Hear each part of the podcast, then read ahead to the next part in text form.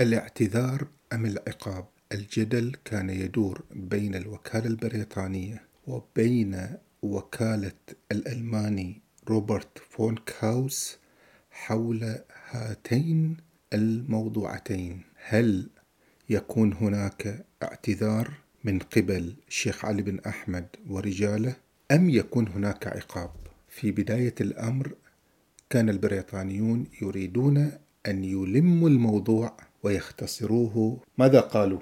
الوكيل السياسي المساعد في الوكالة البريطانية بريدوكس وكان وكيل مستجد كان يقول أعتقد أن تقديم اعتذار رسمي بحضور الشيخ عيسى الذي هو الحاكم وحضور الوكيل في منزل الألماني سيعوض السيد بانسون عن ما حدث له.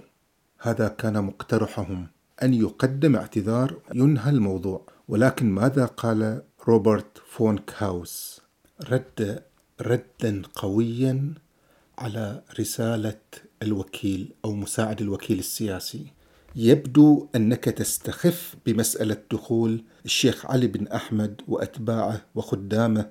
أنك تستخف بذلك كيف؟ أنهم دخلوا وضربوا الموظفين ودخلوا من غير موافقتي أنك تستخف بذلك. أيها الوكيل البريطاني أنت يا من تمثل الحكومة البريطانية التي تحمي الناس وتحمي الموظفين البريطانيين. عليك أن تنتبه. لم يقتصر فقط على ذلك. قال له كذلك بحدة وبشكل واضح أنني أتخوف من صعوبة كبيرة في التوصل إلى فهم موحد بيني وبينك أي يقول له أنني لا أستطيع أن أتفاهم معك.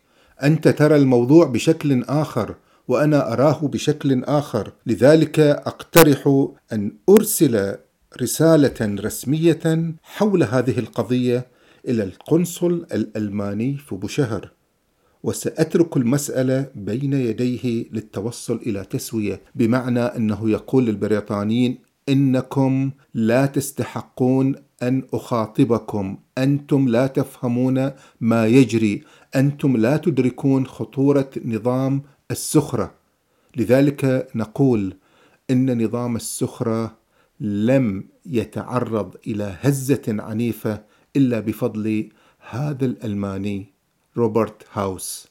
بفضله وإصراره على الانتصار إلى موظفيه وإلى وكالته وإلى كرامته وكرامة موظفيه استطاع أن يهز نظام السخرة. قال لهم أيضا في رسالة موقعة في شهر أكتوبر 1904 قال لهم إن بانسون لم يضرب بشكل عرضي مرة أو مرتين بل هو تعرض إلى ضرب بشكل منظم.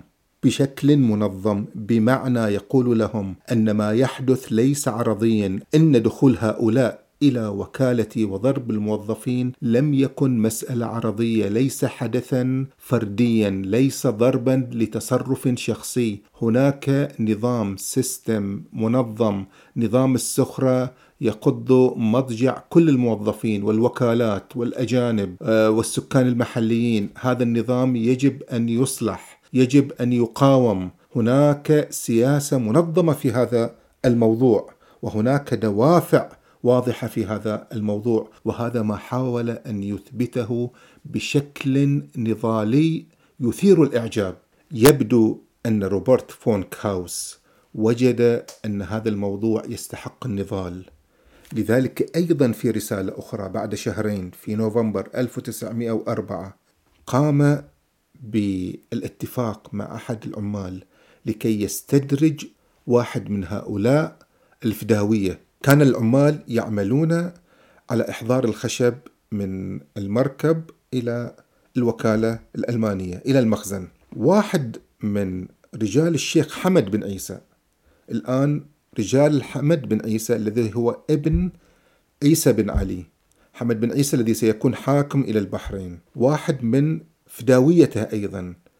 وجد واحد من عمال هاوس ينقل الأخشاب فضربه عندما رفض الإذعان والذهاب معه كأجير عفوا ليس كأجير إنما كسخرة من غير أجر. نجح العامل في استدراج رجل الشيخ إلى المخزن إلى الوكالة ويبدو أن هذا الموضوع كان يخطط له لأنه يريد أن يثبت أن هناك سياسة منظمة ممنهجة.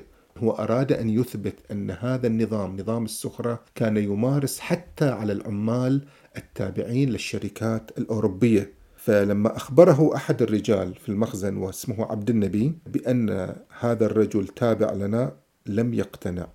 ثم جاء بانسون وأخبره بذلك.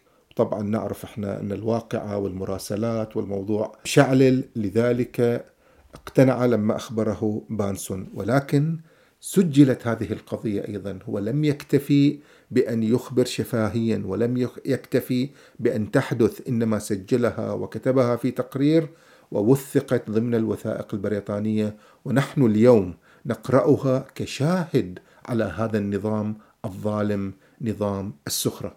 كانت الأمور واضحة لدى هاوس منذ اليوم الأول لحادثة الاعتداء.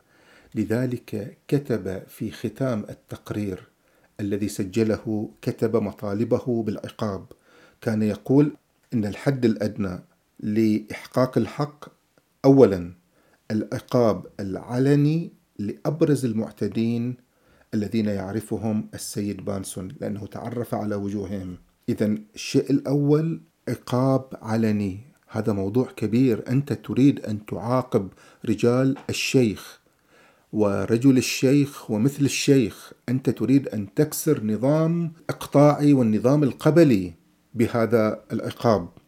الأمر الثاني إنه يريد تعويضا ماليا بقيمة ألف ربية مقابل الأذى الذي وقع عليه. هذا المقابل المادي يعني الإقرار بالجريمة، يعني أنه ارتكب خطأ وارتكب ذنبا ولا بد أن يعاقب عليه. وكذلك ثالثا يقول أنه من المناسب توجيه ملاحظة إلى الشيوخ الثانويين جميعهم في هذه الجزيرة أن يكفوا عن الضغط على العمال العاملين من أجل العمل لديهم. يعني العمال الذين يعملون في شركات أوروبية ينبغي عدم التعرض لهم.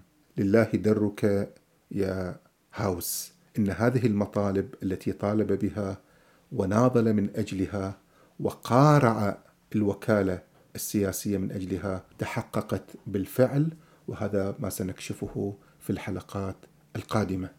الآن ما هو موقف حاكم البلد؟ عيسى بن علي من هذه المطالب؟ هل سيستجيب لها أم سيعمل على التهرب منها؟ هذا ما سنعرفه في الحلقة القادمة.